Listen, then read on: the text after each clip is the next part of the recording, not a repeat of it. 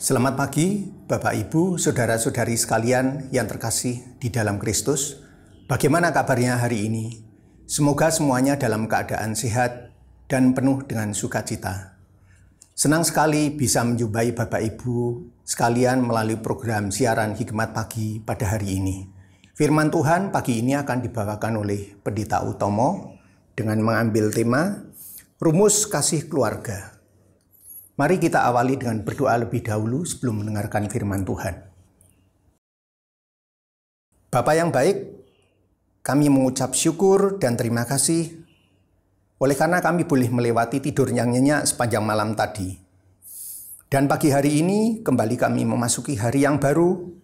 Mohon tuntunan Tuhan menyertai kami sehingga dengan semangat yang baru, kesehatan yang baru, berkat-berkat Tuhan yang baru boleh menyertai di dalam setiap aktivitas kami pada hari ini.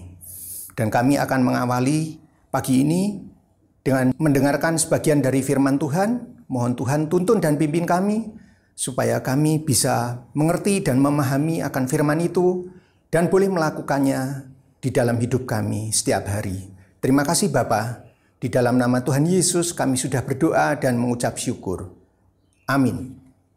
Bacaan pada pagi hari ini diambil dari Kolose 3 ayat 18 sampai 21. Saya akan bacakan ayat yang 18 sampai 20 saja yang demikian bunyinya. Hai istri-istri, tunduklah kepada suamimu sebagaimana seharusnya di dalam Tuhan. Hai suami-suami, kasihilah istrimu dan janganlah berlaku kasar terhadap dia. Hai anak-anak, taatilah orang tuamu dalam segala hal, karena itulah yang indah di dalam Tuhan. Demikian sabda Tuhan. Syukur kepada Allah. Saudara-saudara yang dikasihi Kristus, Jos Benazio, seorang novelis, politikus, orator, dan peraih Nobel kesusastraan, pernah membuat pernyataan yang menarik. Pernikahan adalah aliansi yang disepakati oleh seorang pria yang tidak bisa tidur dengan jendela tertutup dan seorang wanita yang tidak bisa tidur dengan jendela terbuka. Jos mencoba menggambarkan keunikan sekaligus tantangan dalam membangun sebuah keluarga. Ia memberikan contoh kontradiksi yang sangat mungkin terjadi dalam dinamika keluarga. Seorang pria yang digambarkan selalu tidur dengan jendela terbuka, tetapi sekarang harus tidur bersama dengan wanita yang jendelanya harus tertutup.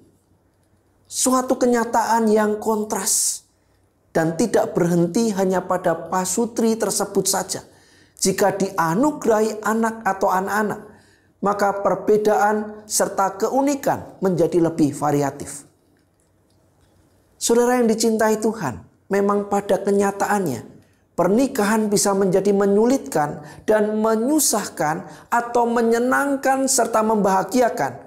Sangat tergantung seni meramu dari setiap pasutri yang membangun rumah tangga tersebut. Jika mereka hanya menyimpan dan menjalani pernikahan bagaikan menyimpan batu, batu itu bagaikan pertengkaran, kekecewaan, sakit hati, maka rumah tangga mereka pasti penuh dengan tetesan air mata.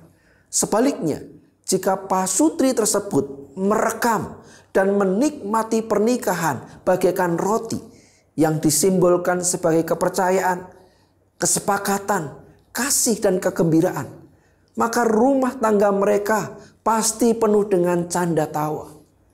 Oleh karena itu, setiap keluarga wajib melaksanakan firman Tuhan dalam Kolose pasal 3 ayat 18 sampai 21 ini.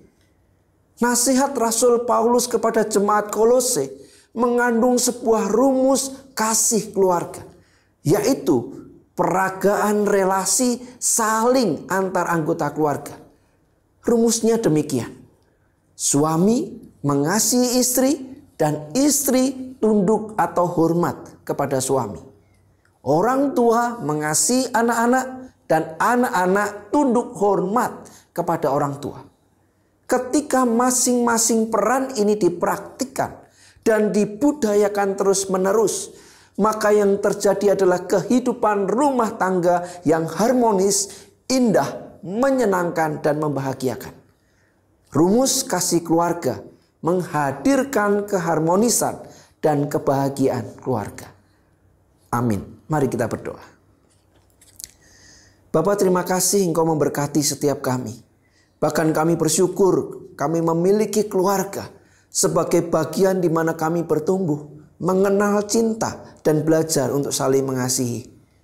Biarlah Tuhan yang terus menolong keluarga-keluarga supaya kami hidup bahagia dan sejahtera. Di tengah segala kemelut dan prahara kehidupan, kami tetap ditopang, ditolong, bahkan dilindungi Tuhan. Sehingga kehidupan keluarga setiap kami adalah kehidupan keluarga yang tangguh menghadapi tantangan zaman. Berkati kami semua supaya kami boleh memperagakan rumus kasih keluarga sehingga tercipta keharmonisan dan kebahagiaan bagi kami. Di dalam nama Yesus kami berdoa. Amin. Saudara-saudara yang dicintai Tuhan, setiap keluarga itu unik dan Tuhan tidak pernah salah menempatkan kita di keluarga kita. Tuhan sudah memberikan panduan utama bagi kebahagiaan setiap keluarga. Setiap anggota keluarga wajib memainkan peran dan mewujudkan budaya saling mengasihi serta menghormati untuk diperagakan. Lihat dan rasakan kebahagiaan menjadi santapan harian. Saudara, keluarga kita indah di hadapan Tuhan.